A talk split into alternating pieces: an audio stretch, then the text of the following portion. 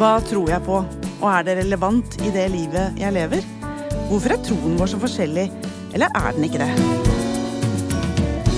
Sammen med hovedpastor Jarle Valdemar og en ny gjest skal vi samtale om temaer som preger både troen vår og livet vi lever. Velkommen til podkasten fra Filadelfia-kirken Drammen. Du hører på Troen og livet, og jeg heter Gunn-Hilde Brun Pedersen.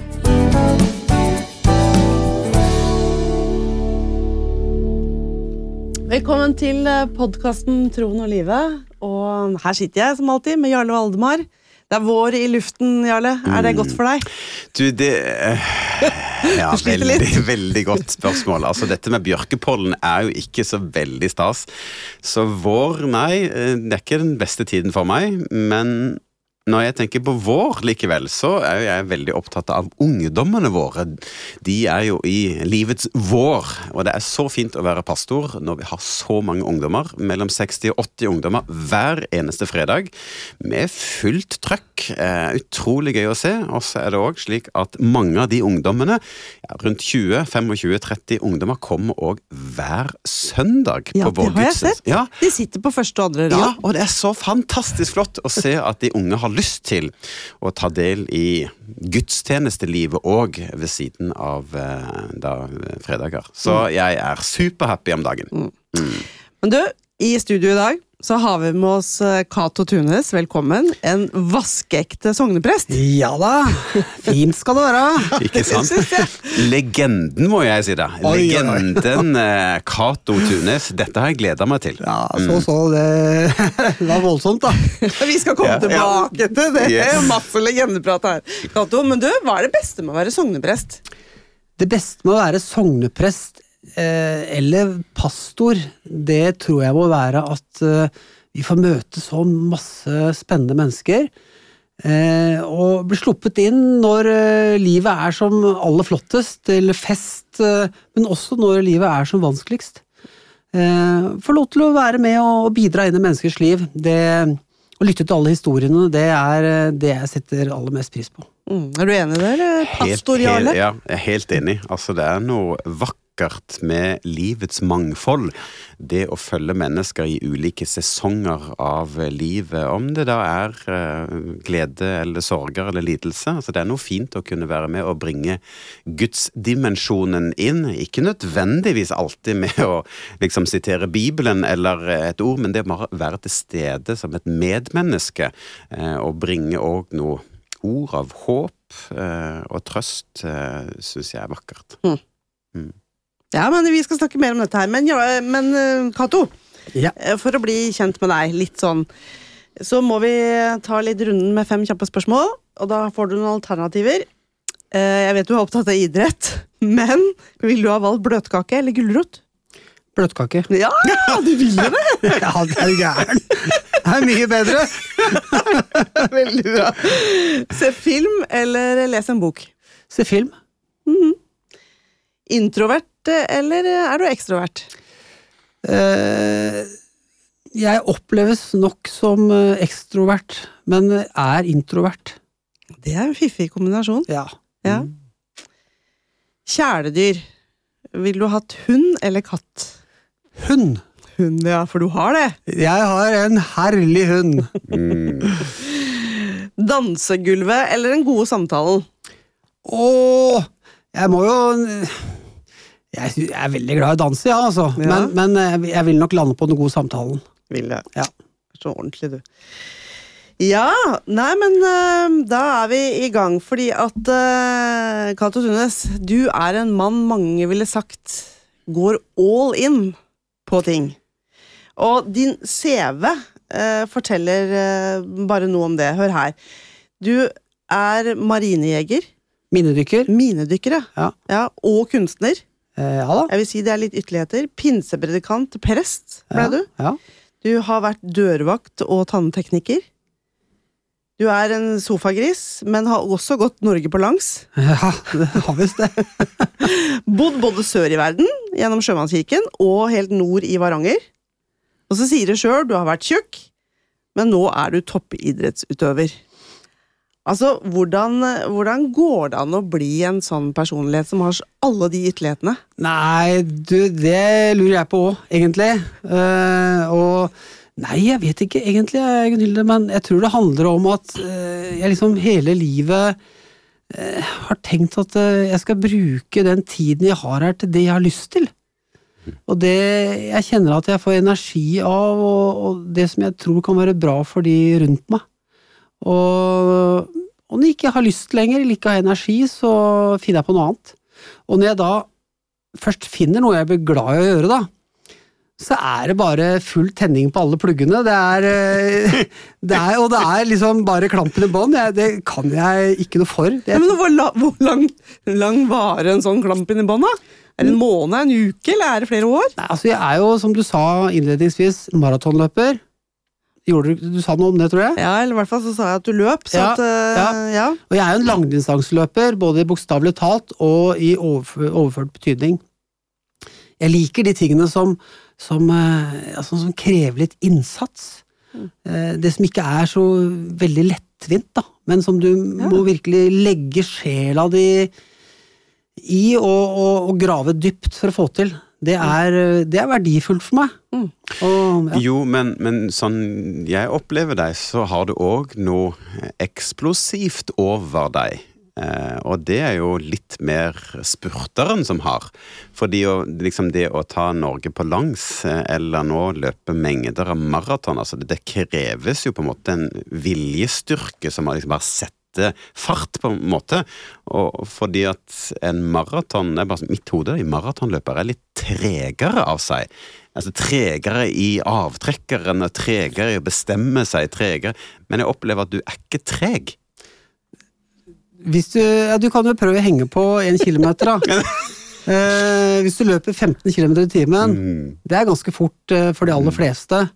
Og når du løper 15 km i timen i 42 km, så er du både seig og rask. Ja, Det er klart at jeg er ikke noe Jeg er jo, jeg er jo 60 år, ikke sant, men, men, men det å banke den tida, da må du ha, ha eksplosiviteten og, Ja. og Men det er klart, jeg er jo ikke noe 100-metersprinter. Det er jeg ikke. Det har aldri, det har aldri vært. Men det er noe eksplosivt. Jeg kjenner meg Mm. litt, litt igjen i det der eksplosive, for det, Ja. fordi jeg har jo alltid hatt et vanvittig temperament. Ja, Ja, Ja. ok. det er liksom Jeg blei født helt uten lunte. Du knurrer før du bjeffer, eller? Ja, det, altså, det var bare rett på svartkruttet med en gang. ikke sant? Og det, det har jo Det har jo vært en utfordring, altså.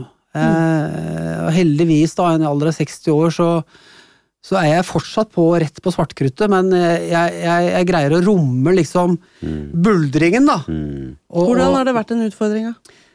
jeg blir jo fort eh, Engasjert, skal vi si. engasjert, ikke sant? Og, og ja, og, og, og hvis eh, Og sint også. Mm. Veldig temperamentsfull. Mm. I ungdommen, ikke sant, så gikk jo kule varmt rundt omkring, da. Så, som, som, eh, som vi selvfølgelig ikke må fortelle til noen. Nei. Men, eh, men de gjorde jo det. Men eh, Og jeg er nok fortsatt på sett og vis rett på svartkruttet, men, men eh, har greid å kanalisere det, da. Men er, det, er da løping en slags hjelp for deg til å kanalisere både energi og temperament og Ja, altså det er, det er veldig spesielt. Maratonløping er veldig spesielt, fordi det er mange som tror at man når man løper så langt, så tenker man mye. ikke sant? Man kan bearbeide tanker om eh, ting som er vanskelig og sånn, men jeg, jeg, når jeg løper maraton, så forsvinner jeg bare inn i en sånn type kontemplativ rytme. Da er jeg bare ett med respirasjon, med, med hjertefrekvens og med åndedrettet. Og bare er i åndedrettet. Jeg, jeg, jeg forsvinner på en måte Mm. inn i en tilstand der hvor jeg er helt uh, renska for uh, renter og avdrag og, og uh, konflikter rundt omkring, eller vanskelige ting jeg står oppi som prest. ikke sant? Da er jeg bare Jeg blir helt tømt. Mm. Og når jeg da er ferdig med det løpet eller den treninga, så så er jeg er ikke født på ny, så er jeg i hvert fall eh, mye, mye mer til stede i mitt eget sinn og min egen kropp. da. For du må jo gå all in når du skal eh, Altså merittene dine på det du har vært med på, men òg det du skal, er jo fantastiske. Eh, Gunhilde, altså fortell litt om det som ligger foran her. Ja, altså For å ta det som Ja. har akkurat vært. Altså, du har jo akkurat løpt London Marathon. Ja da. Og åssen gikk det? Ja? Du, jeg, jeg var veldig spent, da. Fordi altså, vi som bor i Norge, vi, vi har jo noe som heter snø. Mm. Ja. Og da, som det er mye hos oss, og har vært ekstremt mye i det siste. Ja. Det har vært forferdelig tøff vinter. ja. Kjip. I hvert fall for en løper. Mm. Øh, Fordi vi er avhengig av å ha svart kosta asfalt under føttene når vi trener oss opp. ikke sant? Så dette maratonet gikk jo da 23. april. Og, og da fikk jeg en knapp måned på asfalt. Og vanligvis så løper ikke jeg maraton før eh, slutten av september. Eh, oktober og november, og da har du jo mange mange flere måneder å trene deg opp på, så jeg var veldig spent. Men eh, merka jo allerede på første kilometeren at eh, jeg var i dyrisk bra form. ass. Oi. Ordentlig sånn flybensin-feeling. Eh, men så var det en eller annen var det gnom, det var en eller annen gnom av en funksjonær som greide å dytte meg inn i feil pulje. Ok. Så jeg, jeg, det fikk jeg høre etterpå, da. Men jeg merka det underveis. Istedenfor å Jeg skulle starta ei grønn pulje. Det er liksom, Du har eliten, og så, har du, og så hadde du det britiske eh, mesterskapet. Eh, og så hadde du og så hadde du grønn pulje, og så hadde du blå pulje. Og eh, da kom jeg altså, løp jeg altså i gruppe med eh, mange hundre, kanskje tusen, som jeg måtte løpe forbi. For å komme opp i den pulja som holdt samme farta som meg. Og, og så er det slik at i asfalten eh, så er det da målt opp en sånn eh, ideallinje som er den er blåmerka i asfalten. Det er korteste vei Ah. fra start til mål. Okay. Alle vil jo på den. Ja. Men jeg da hadde 4000 sinkere foran meg, så blei det veldig mye yttersving. Mm. Så når jeg da kom i mål, så hadde jeg da Da sto det 43,44 på GPS-en min, og et maraton er jo bare 42,194, så jeg hadde løpt du løp mye lenger? Jeg løp lenger. Nå er nok ikke det helt riktig, fordi, fordi GPS-en blir litt sånn eh, eh, tullete når du løper inne med masse bygninger og sånn, men at jeg løp en, en, en mellom 500 og 800 meter for langt. Det er ganske sikkert, og det er fort vekk noen minutter. Ikke sant? Så jeg, når jeg så på klokka mi hver gang det peip, så så jeg at jeg holdt en så høy kilometertid eh, som jeg aldri har hatt før. Så jeg var sikker på at jeg ville komme i mål eh, på god pers. Så når jeg da kom inn bak, så ble jeg skikkelig ergerlig, ass. Da kom temperamentet fram. Da kom temperamentet, ikke sant? Men, eh, nærheten. men, men eh, jeg vet ikke hvor mange som var i min klasse, men kanskje det var en 1500 i min aldersklasse. Ja. Og jeg fikk en sjetteplass. Oi, oi, oi. Ja da. Herlighet. Eh, Men så begynte jeg da å regne hvis jeg hadde kommet i, ikke sant? Og da, da mener jeg bestemt at jeg hadde i hvert fall vært på en annen plass. Jeg hadde ikke slått han som vant, for han løp veldig fort. Men han tar jeg til høsten. Men når du kom hjem fra London, så lå det en mail, eller om du så det rett før, du er invitert til VM Ja da. i USA. Oi, oi, oi. Chicago. The Windy City. Det er jo helt vilt. Altså, er hvor mange blir invitert til det av norske løpere? Altså, Nei, ja. altså, det, dette er jo big business. Det høres jo flott ut at man blir invitert, da. Men du må jo være kvalifisert, ikke sant? Ja. Så det er jo de som uh, oppnår en viss poengsum, Ja. Som eh, Akkurat som hvis, hvis du skal kvalifisere deg til eh, store internasjonale skirenn eller eh, løp, ikke sant, så må du jo komme med på kvota. Mm. Så da hadde jeg løpt fort nok, da. Jeg var jo var så heldig å komme på pallen i, i eh, Berlin i fjor. Tredjeplass i min klasse. Så da uh, fikk jeg en invitasjon til å være med i VM i Chicago. Men jeg må jo betale hele gildet sjøl, da. Oh, ja. Ja, ja, er du gæren. Eh, Men det er ikke hvem som helst som får løpe, da. Nei. Så da tenker jeg det er once in a lifetime. For det er jo ikke sikkert at den kroppen her holder til jeg blir 100. Så da skal jeg løpe VM 8. oktober. Ja, det er det jeg sier. Legenden. Eh, Cato Tunes. Altså, det er eh, utrolig sprekt gjort. Utrolig imponert. Eh, Du jeg- løper jo sjøl, Du, Jarle. Har du sånne ambisjoner, eller? Overhodet ikke. Ok. altså, jeg løper for å ha en grei kondisjon, eh, for å ha en velfungerende kropp, men jeg har ikke en sjans. Altså, jeg er mer eksplosiv i det å løpe, så jeg òg må trene på å løpe langt. Eh, men langt er jo for meg er ikke det samme som langt for Cato. Altså, du trener eh, 160 km i uka. Ja, på det, på det meste så ligger jeg på 160 km i uka. Og til sammenligning så Jakob Ingebrigtsen, som er vår store helt, eh, han løper 180 km i uka. Ja, det er jo nesten ingen ny forskjell. Nei, jeg tror han ligger på omtrent 180, men det er jobben hans, da.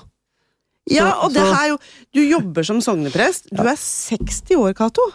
Jo, men du Hvordan vet, klarer du dette her? ja, du vet Gunn Hilde, som sogneprest jobber du, du jobber bare fra 11 til 12 på søndagene, ikke sant? Det er jeg ikke helt sikker på det, men eh, Nei, det, det handler om eh, planlegging.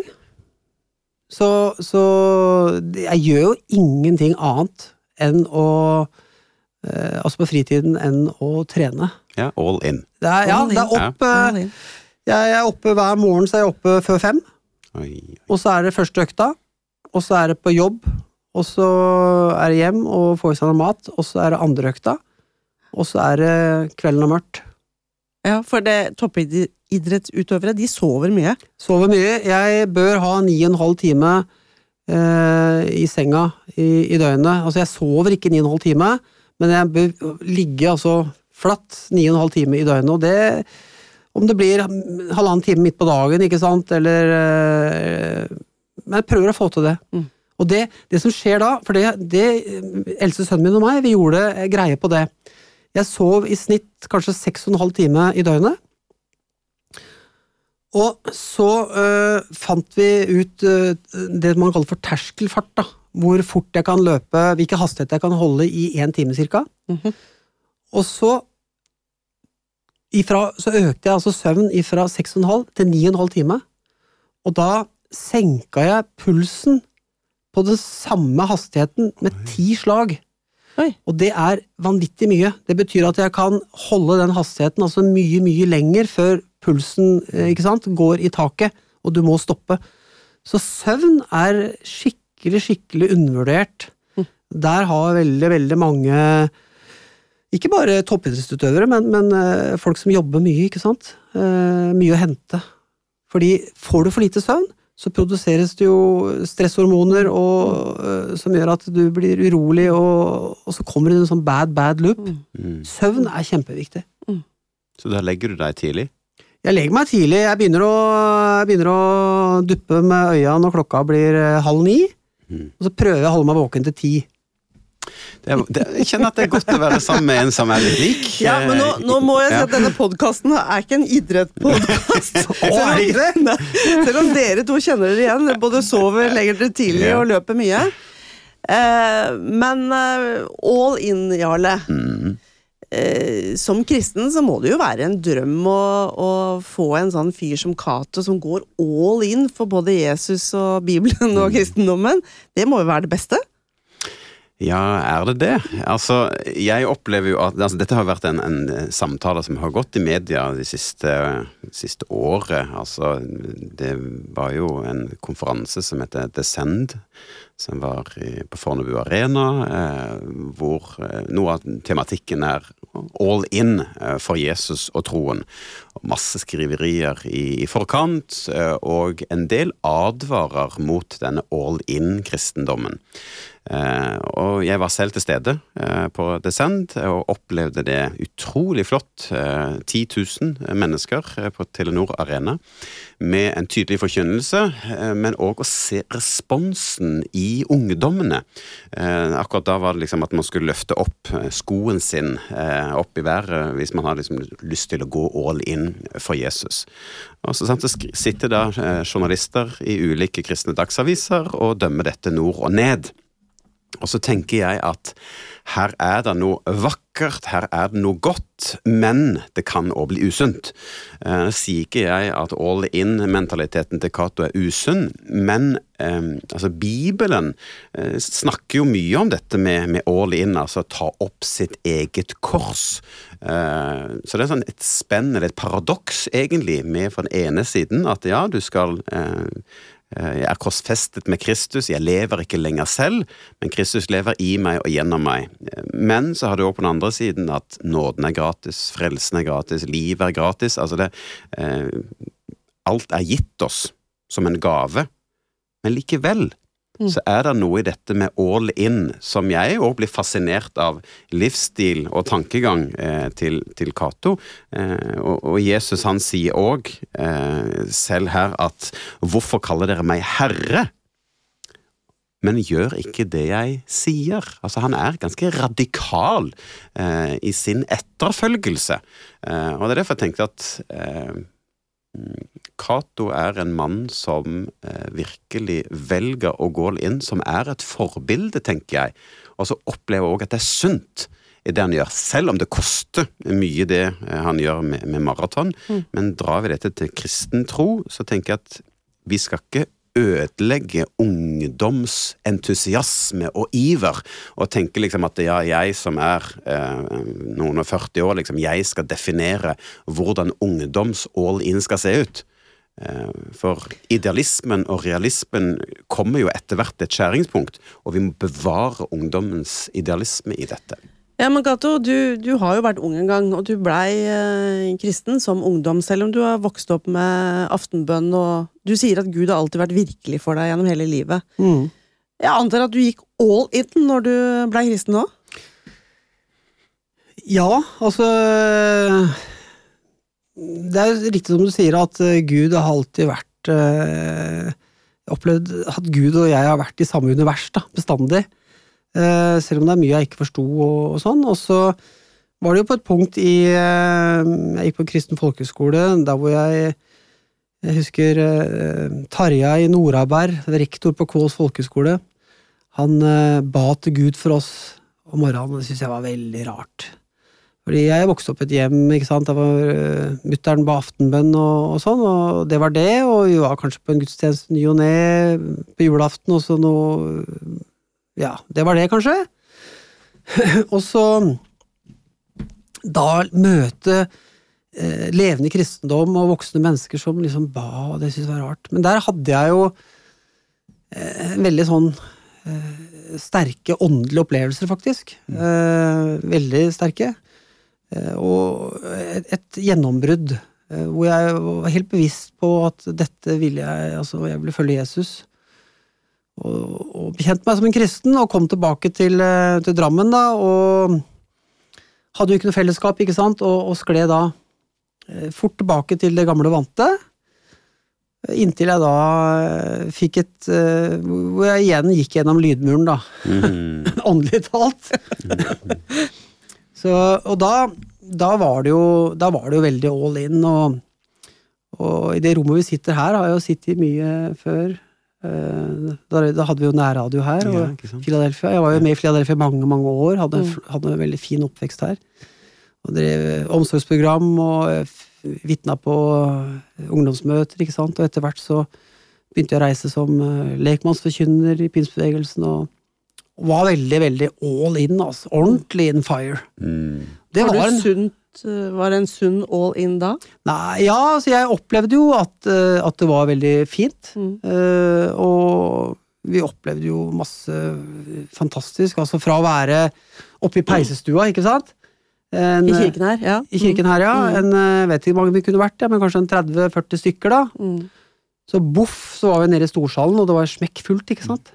Og, og Drammens Tidende kom jo, vet du, og ja. skrev og lurte på hva er det som skjer mm. Eh, hva er det som skjer i Philadelphia. Ikke sant?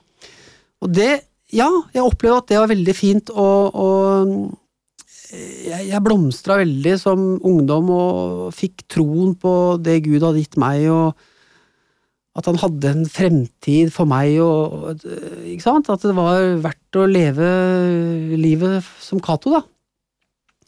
Men så eh, opplevde jeg også at i dette universet som spente seg ut over meg, eh, hadde en del ting som, jeg, som ble vanskelig for meg å begripe.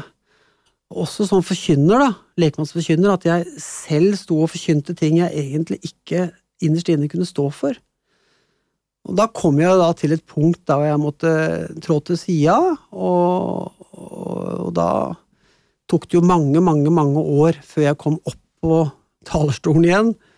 Men hele tiden så var Gud en del av mitt univers, og jeg hadde sterkt fellesskap med Jesus og sånn, men, men, men, eh, men, eh, men jeg måtte finne ut av eh, Jeg må komme fram til en bærekraftig teologi, da, Mm. som, som romma hele livet mitt, og og som, som tok alle erfaringene som jeg gjorde, på alvor. Og det fant jeg ut av. Og, og jeg er fortsatt i Drammen. Mm. Jobber i kirken. Så det er fint. Men trivdes du i den perioden hvor du måtte kanskje tre litt til side og tenke over både tro og teologi? Det er jo, det er jo vanskelig eh, når disse trygge punktene i livet eh, ikke lenger er det. Eh, de, de forsvinner på en måte. Du, du, du legger ut på et stort hav og er ikke helt sikker på når du kommer til land, eller hvor dypt det er, og det er jo mye utrygt forbundet med det. Og det gjorde jo også noe med fellesskapet mitt, ikke sant? De jeg, de jeg var mye sammen med. Det var ikke, var ikke sånn at jeg ble uvenn med noen av dem, men, men de sto jo godt i det universet som jeg hadde vært en del av, og, der, der Jeg måtte et annet sted. Mm. Jeg måtte ut. Jeg måtte vekk for å finne tilbake. Det er jo ikke ubibelsk. At vi noen ganger må gå ut for å finne hjem, ikke sant? Mm. Og det gjorde jeg, og det kosta blod, tårer og svetter. Men, men du verden, det var spennende. Ja, for jeg tenker at all in handler egentlig ikke nødvendigvis om det vi gjør, men det handler om hjertets overbevisning. For vi kan bli litt sånn at ja, men jeg skal stå i en tjeneste, jeg skal stå på en plattform, eller jeg skal på en måte bruke hendene mine. Men all in handler også sånn, om en sånn hjertets eh, innstilling eh, til Gud, og at man kan òg være all in selv om livet er i en bølgedal. Eh, fordi det handler om at man kanskje ikke skjønner alt som skjer. Man kan bli både frustrert og irritert og sint i ulike faser. Men det handler om at man har likevel en overgivelse til Gud. da, At Gud, jeg skjønner deg ikke, jeg vet ikke hvorfor jeg er her akkurat nå, men jeg velger å stole på deg eh, i dette. Selv om jeg føler meg maktesløs, eller selv om jeg føler meg fattig, så velger jeg å lene meg inn. For det er jo flere som har hatt lignende opplevelser og vandret bort fra troen, eh, og ikke kom tilbake igjen. Og det er jo da sant, dette med all in da eh, kan bli usunt når man legger alt av energi og krefter inn i noe, og så gikk det ikke slik man ønsket og håpet, og så snur man ryggen til alt. Men Gato, du nevnte bærekraftig liv. Bærekraftig tro, har vi hørt. Hva, hva legger du i det nå, da? Nei, ja, at, at eh, At jeg lever et sted der hvor eh, jeg kan være Cato, på godt og vondt. eh, og kjenne at det er, plass til, det er plass til meg sånn som jeg er. med hele livet mitt. Og bæ bærekraftig er jo et, et ord som er veldig sånn inn i tiden, ikke sant? Eh, og det handler jo om eh, alle fasettene i tilværelsen. Altså hvor jo troa er eh, en svær greie, egentlig. Mm. Så en bærekraftig tro, det, det, det handler om for meg eh, at jeg har ikke funnet ut av, og det har jeg ikke på noen måte funnet ut av det store teologiske spørsmålet, men no, noen ting har, har falt på plass. Og, og så lever jeg liksom mye tryggere i dag i de store spørsmåla som fortsatt henger der. Mm. Jeg er trygg på Guds fang. Jeg, jeg, jeg behøver ikke jage liksom to streker under svaret på alt. jeg, det, er, det er veldig mye som er vanskelig å forstå med livet og tilværelsen. Men da er du litt enig med Jarle da at eh, all in handler veldig mye om hjertet, og, og ikke nødvendigvis alt hva du tror og ikke tror, eller gjør og ikke gjør, men Ja, altså All in for meg handler i hvert fall om at jeg øh, Jeg må være tro mot den jeg skal leve lengst med, og det er meg selv. Mm. Jeg, jeg, jeg må kunne være ærlig med meg selv, altså ikke fake Altså hvis Ikke fake, ikke fake livet mitt, verken for meg selv eller for andre. Uh, ja, jeg kan ikke fake liksom at jeg er glad i kona mi i 35 år. Mm. Eh, det hadde liksom kanskje gått i noen, eh, noen år, ikke sant, og så slår det sprekker. Men, men at, man, at man lever og er tro Mm. mot seg selv og de som er, eh, de som er rundt en. Det, ja, det, det er det det handler om. Og det er en usunn all in-holdning handler kanskje faktisk om det der at man ikke er helt tro mot seg sjøl. Mm. Men bli med på et lag, en stemning, en gjeng. Ja, ja ikke sant, fordi, fordi Ok, eh, eh, her er en del ting jeg ikke helt forstår, eller er enig i, men hvis jeg tar opp det, så mister jeg et fellesskap som jeg trives i, ikke sant? Da skaper jeg konflikter inn i et miljø som jeg er en del av. Så da velger jeg å akseptere de tingene som jeg egentlig er helt uenig i, eller som ikke passer meg, for å være en del av fellesskapet. Ikke sant? Ja. Sånn, er, sånn kan man tenke, og så blir det en sånn slags byttehandel. Mm. Uh, og for noen så, så går kanskje det, men det blei helt umulig for meg. Ja. For meg så handler bærekraftig tro òg om å bli båret av Gud selv. Han Mm. som er kraftig, han som er mektig. At jeg trenger ikke forstå alt, eh, men jeg likte det du sier, det å være på Guds fang. Altså, jeg blir båret av Han. Ehm, og så liker jeg å bli utfordra på eh, hvordan kan mitt liv være eh, til etterfølgelse, eller i etterfølgelse av Jesus. Fordi det er en evig, eller livslang reise, da. At eh, det ser annerledes ut eh, for meg i mitt liv sånn som det er nå, og det vil se annerledes ut når jeg er 60. eh, Hvordan et liv i etterfølgelse ser ut. Men min tro bæres av Han. Jeg kan lene meg inn til Gud i, det jeg bærer på. Og så, ja, det er ting jeg ikke skjønner. Det er ting jeg ikke fatter, men så tenker jeg at jeg har ikke behov for å ha alle svarene. Eh, Du kan leve godt med det. Ja, jeg kan leve godt med at det finnes ubesvarte eh, spørsmål. Mm. Um, om, både innenfor teologi, men òg alle disse hvorfor-spørsmålene. Hvorfor grep ikke Gud inn eh, når det og det skjedde, og hvorfor skjedde den naturkatastrofen? Og, altså, det er mange slike spørsmål som kan utfordre troen. Mm. Uh, men jeg, jeg velger å tenke at kanskje jeg får tid til å stille disse spørsmålene en gang i himmelen. Eh, Gud, hva var dine tanker eh, rundt dette? Så for meg så handler det mer om hjertet enn hodet. Jeg trenger ikke forstå, men jeg har likevel forstått med hjertet at eh, Gud, min far, elsker meg og har gitt seg selv for oss. Mm. Hva sier du til det, Cato? Kjenner du det samme? ja, altså jeg Som jeg sa, jeg er trygg på Guds fang, jeg, og, og min Min Gud er stor og mektig og har stort fang, og jeg syns Jesus var en fantastisk eh,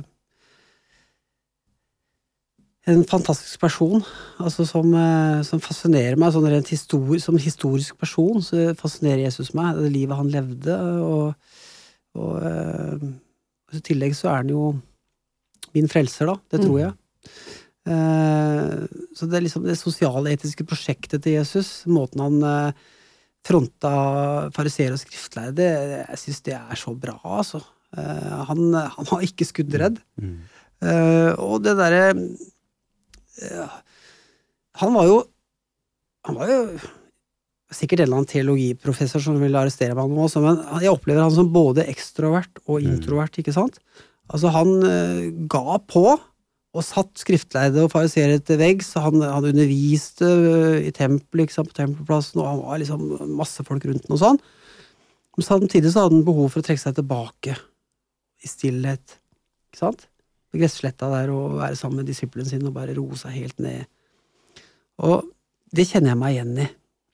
Så, og så syns jeg det er så flott hvordan han behandler ja, mennesker som det har gått i stykker for, ikke sant. Eh, Hvordan han reiser mennesker opp ifra, eh, ifra eh, skammen, altså. Det er eh, Og hvis, hvis jeg som prest kan kan få lov til å være med på det, og se at, at mennesker igjen får troa på livet sitt og, og, og det man har fått, da, så er det, så er det veldig fint. Mm. Ja. For jeg tenker et, et nøkkelord i, i denne samtalen er jo lidenskap. Og det ser vi i hvordan Jesus møtte mennesker. Han har lidenskap for mennesker. Eh, men jeg ser det òg i Katos maratonjag. Altså en, en, en lidenskap for å pushe grenser, for å på en måte eh, nå lenger, eller på en måte løpe eh, raskere, eh, kortest mulig tid. Og det er den lidenskapen der som òg trigger meg, og som forkynner oss. Og det å invitere mennesker til å øke sin lidenskap, eller få tent opp sin indre ild, da, for Guds rike, eh, for eh, evangeliet, altså for Guds tanker i verden, at jeg kan bruke min passion, min lidenskap, inn til det, eh, til Guds arbeid. Eh, skulle ønske at flere i sin hverdag kunne ha fått noe av den samme lidenskapen for mennesker, eh, og for å være med og bety en forskjell. Kato, helt til slutt så må jeg Du har sammen med din sønn, som er lege, Ja. og du er jo da som sagt prest. Dere har starta et lite foredragsturné. Ja, Hva altså, heter det foredraget ditt? ja, det som Ja, eh, Andreas er jo doktor, og jeg er jo prest, så det heter rett og slett Og, og begge er veldig interessert i, i eh, trening og løping. Aha. Og det heter Faderen og Sønnen om den hellige kroppen. det, det, Faderen og Sønnen om den hellige kroppen. ja. Og, da, det, og da, da har vi et foredrag som er eh, Det er litt sånn standup, da.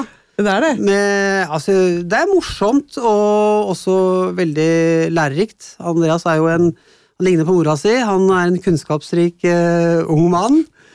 Og jeg bidrar med, med mine perspektiver, og så, så, blir det, så blir det bra og lærerikt og matnyttig for, eh, for folk flest. flest. Men om den hellige kroppen, ser du på kroppen din som hellig? Ja, det står jo et sted i Bibelen at vi er et tempel for Den hellige ånd, da. Og, og som mennesker så er vi jo Vi er jo gitt et forvalteransvar, ikke bare de ressursene som er rundt oss, men også øh, kroppene våre. Eh, har vi et ansvar for å forvalte. Og, og det er jo ganske trist å se hva Det ser ut som øh, mange av oss gjør hva vi kan for å bryte oss ned, ikke sant? Jeg, altså På det verste så veide jo jeg 110 kilo. Ikke sant? Jeg spiste for mye, jeg beveget meg for lite. Jeg hadde ikke noe, ikke noe gode tanker rundt hva som var bærekraftig for mitt liv. Resulterte i høyt blodtrykk, eh, kolesterolsenkende medikamenter, spiste syrestabiliserende så det skumma av munnen på meg, eh, pustestopp om natta eh, og to kneoperasjoner før jeg var for tung. Ja. Det er jo ganske dårlig forvaltning. Mm. Så da, da så fastlegen meg dypt inn i øynene, og så sa han Cato, du er rett og slett for feit. Mm. Da fikk jeg regneord for penga, Ja. Mm. og begynte da å ta min egen kropp mer på alvor. Eh, og, og, og erobret tilbake min egen kropp, da. Eh, og det, det, er, det, altså det er ikke forfengelighetshensyn, men det er rett og slett ha en kropp som, som fungerer, da. Og som, som ikke det er for mange vondter i. Eh, Og jeg syns jo det har gått veldig langt nå hvor alle skal se sånn og slik ut. Eh, Og noen av oss er litt lubne, ikke sant, og noen er syltynne, og sånn vil det være, men ingen trenger Altså, det å være, ha en BMI på fra 30 og oppover, ikke sant, da er det ikke bra. Mm. Og det, det å gjøre noe med det handler om å forvalte kroppen sin. Mm. Og det tenker jeg er en god kristelig tanke også. Men det høres ut som du forvalta sinnet ditt også, da, når du, når du løp. Ja, jeg, eh, absolutt. Jeg, eh, det er viktig for meg å være på plass i huet eh, for, å kunne, for å kunne møte mennesker. Og da har jeg funnet, funnet min greie. Og mange som sier det at ja, alle som løper, løper fra noe. Men, men jeg vil heller si når jeg løper, så legger jeg fra meg noe. Ja. Altså, jeg løper ikke det er, det er ikke sånn at jeg har noen i hælene som jeg er redd for, liksom, men jeg merker at når jeg, når jeg løper, så er det noe som blir lagt av meg. Og så løper jeg til noe Mm. som, som, er, eh, som er fint. Ja, takk for uh, besøket, Cato. Vi får vel si det nå. Også, også um, lykke til med løping og sogneprestgjerningen. Og så har vi vel fått litt inspirasjon til uh, denne vårens gjøremål. Mm. Du, kan jeg få skyte det på tappen? Mm. 3. september, Ja. da går jo Drammen halvmaraton Ja. av stabelen. Okay. Et fantastisk løp. Morsomt løp. Det kan gås, og det kan løpes. Og det er også andre etapper også. Meld dere på! Det er ikke for seint? Altså, begynne å trene på det, Det, mener jeg. det er ikke for seint, og det skal ikke så mye til. Og det er utrolig, utrolig morsomt. Ok, dagens oppfordring fra Cato 3. september, maraton i Drammen. Halv maraton. Halvmaraton, det er viktig å si. Takk for eh, besøket, Cato. Og um, vi kommer tilbake igjen med nye podkaster fra Troen og livet. Hei så lenge.